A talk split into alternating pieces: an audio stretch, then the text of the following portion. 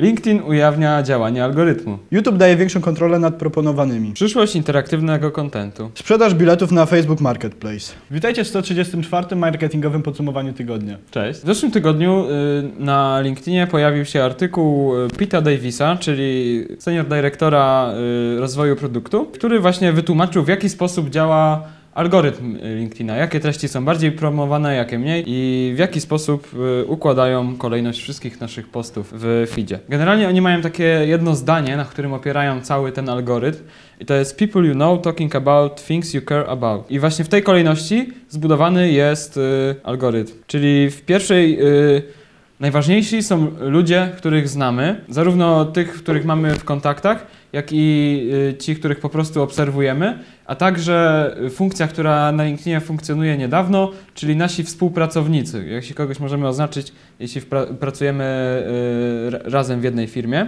i Właśnie treści tych osób są wyświetlane w pierwszej kolejności, no ale oczywiście każdy z nas ma szerokie grono znajomych, e, ludzi, których obserwujemy i tak dalej, dlatego ich też trzeba jakoś poukładać. E, druga część tego zdania, od którego zacząłem, to jest talking about, czyli e, bardziej promowane są posty skłaniające do dyskusji, jakiejś rozmowy między sobą, no i oczywiście tutaj będzie brana pod uwagę ilość reakcji, komentarzy Zaangażowanie generalnie. w post. Y, I trzecia część tego zdania, things you care about, czyli mm, ponadto, y, że dopasowują nam treści od właśnie bliskich nam osób, interesujących nas osób i są to treści angażujące, to jeszcze muszą być powiązane tematycznie z naszymi zainteresowaniami. LinkedIn, jak każde medium społecznościowe, jakoś tam określa nasze zainteresowania na podstawie różnych czynności. Yy, I na tej podstawie też są właśnie yy, układane treści w feedzie. Ponadto yy, pan Pitt zaprzeczył temu, żeby jakikolwiek format był promowany bardziej niż inny.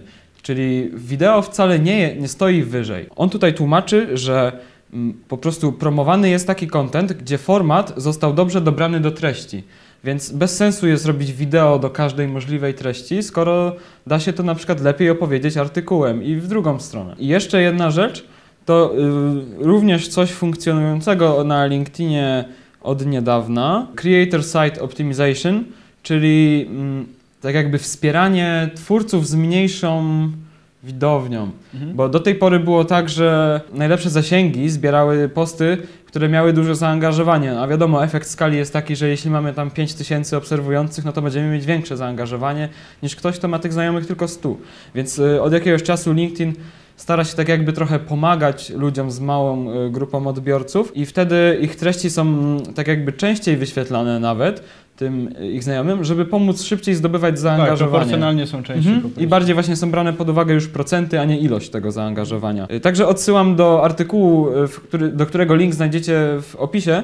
Y, Tam na końcu jest to wszystko tak ładnie wypisane w bullet pointach, dobre praktyki, co najlepiej zadziała, y, żeby mieć dobre zasięgi na LinkedInie. Instagram postanowił wprowadzić do nowego miejsca reklamy. Mianowicie zaczęli już testy nad wprowadzaniem reklam do sekcji Explore. Czyli jest to ta sekcja, w którą, e, do której przenosimy się klikając w tę lubkę i tam znajdziemy posty od użytkowników, których nie obserwujemy, ale którzy postują w danym temacie, który nas interesuje.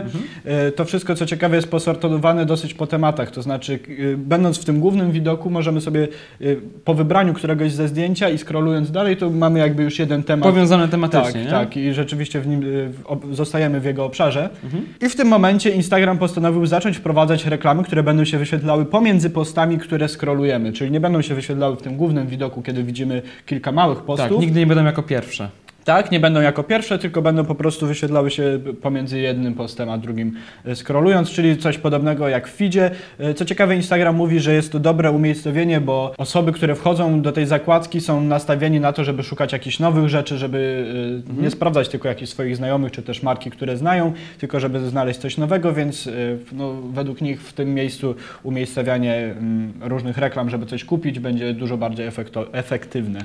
Zdecydowanie. YouTube chce dać użytkownikom większą kontrolę nad tym, co widzą y, w sekcji polecanych filmów i dlatego wprowadza do góry takie zakładki, które posortują nam je według określonych tematów lub kategorii.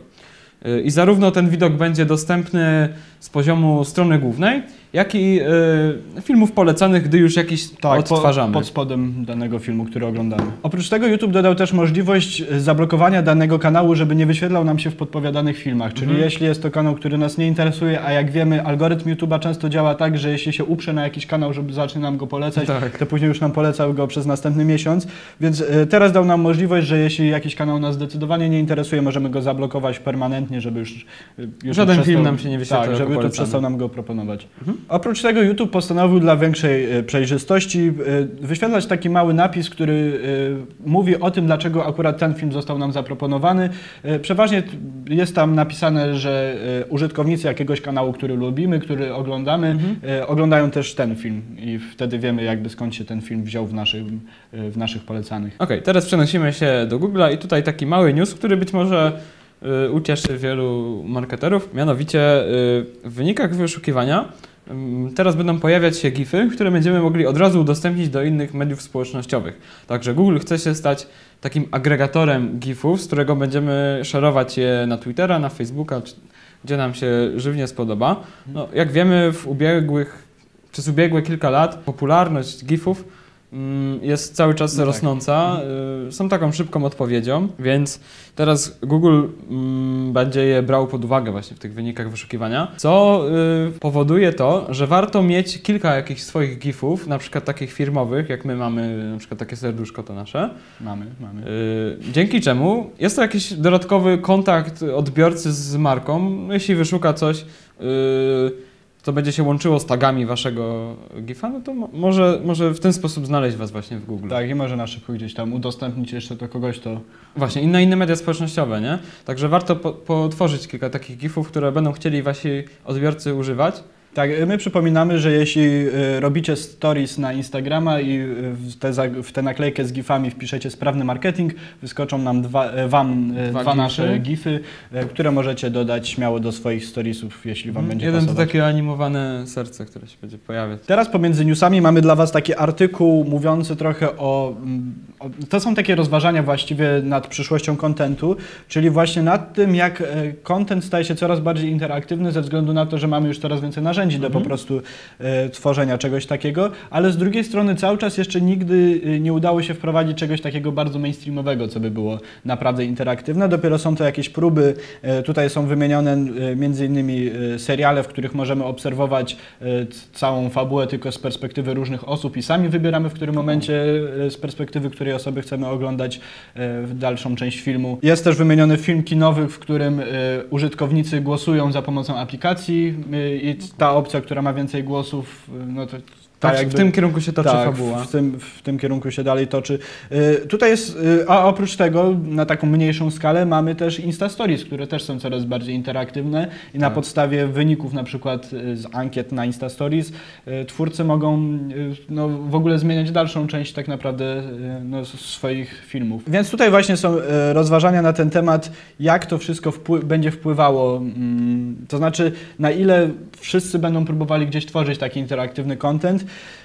Prawdopodobnie y, rzeczywiście będziemy widzieć tego coraz więcej i coraz to różniejsze media, na przykład Netflix już od jakiegoś czasu wprowadza interaktywne seriale, które są czymś pomiędzy grą a filmem, serialem.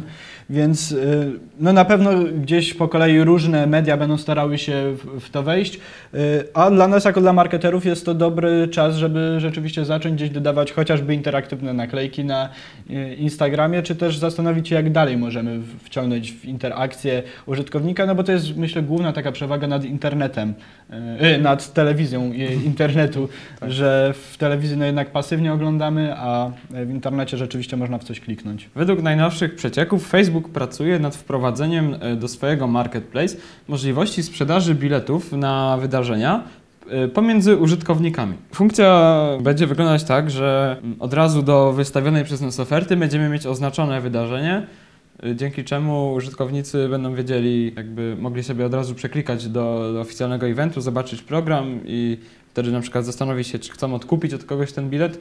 Prawdopodobnie będzie to też y, no, bezpieczniejsza opcja niż takie kupowanie od kogoś biletu. Tak, bo w tym momencie i tak już się to dzieje, że na stronach Mhm. wydarzeń ludzie sprzedają y, bilety, tylko że no, na razie jest to trochę obchodzenie. Tak No właśnie, a tutaj będziemy mieli jakby wszystko udokumentowane pewnym procesem sprzedaży. Jeśli to rzeczywiście wejdzie, to myślę, że dla wielu osób, które się tak często wybierają na jakieś koncerty czy inne wydarzenia, będzie to przydatna opcja. Muzyczne stories y, to chyba taki trend, który wchodzi już prawie wszędzie i nawet Facebook y, w swoich storiesach natywnych, nie tych na Instagramie, testuje y, taką opcję, która prawdopodobnie będzie wyglądać trochę inaczej niż w innych mediach, bo tutaj widzimy mm, okładkę albumu, tudzież singla i jakąś animację w tle, taką trochę Psychodeliczną. No właśnie. No i do tego będzie leciała muzyka, także raczej nie będzie wyświetlanego tekstu, yy, do którego możemy zrobić na przykład lip synca. Tu raczej jest kwestia, żeby pochwalić się znajomym, czego słuchamy i przy okazji, żeby poleciał fragment tego utworu,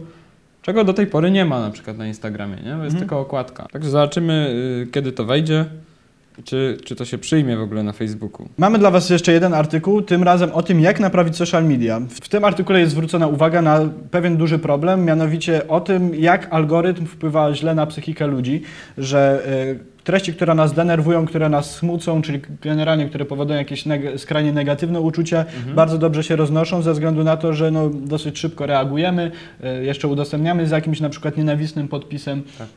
E, Więc y, algorytm uznaje to za coś wartościowego, ponieważ ktoś to udostępnia i reaguje e, i w tym sposobem się to coraz bardziej roznosi. E, Tutaj jest kilka pomysłów na to, jak spróbować zminimalizować coś, e, coś takiego, i co można by przetestować, żeby e, jednak takie treści się mniej roznosiły. Między innymi, żeby algorytm na przykład sprawdzał, co się napisało w treści posta i jeśli jest to obraźliwe, to żeby e, proponował jednak... e, Pytał nas, czy na pewno chcemy tak. to opublikować, nie? Tak, Kolejnym mm, rozwiązaniem tego problemu y, negatywnych treści w feedzie jest tak jakby uczenie algorytmu, żeby je coraz mm, bardziej blokował. Czyli takie zachęcanie użytkowników do flagowania, tudzież ukrywania takich postów y, o negatywnym zabarwieniu, dzięki czemu algorytm na podstawie y, uczenia maszynowego mógłby z jakimś czasem nauczyć się już samemu rozpoznawać, co tak naprawdę nie powinno się wyświetlać na feedzie i dokładniej banować treści, które rozpo, rozpowszechniają nienawiść. A w sekcji narzędziowej przygotowaliśmy dla Was e, jedną dosyć drobną aplikację tak naprawdę, która nazywa się When to Post. E, Po ściągnięciu jej logujemy się tam swo- przez swojego Instagrama.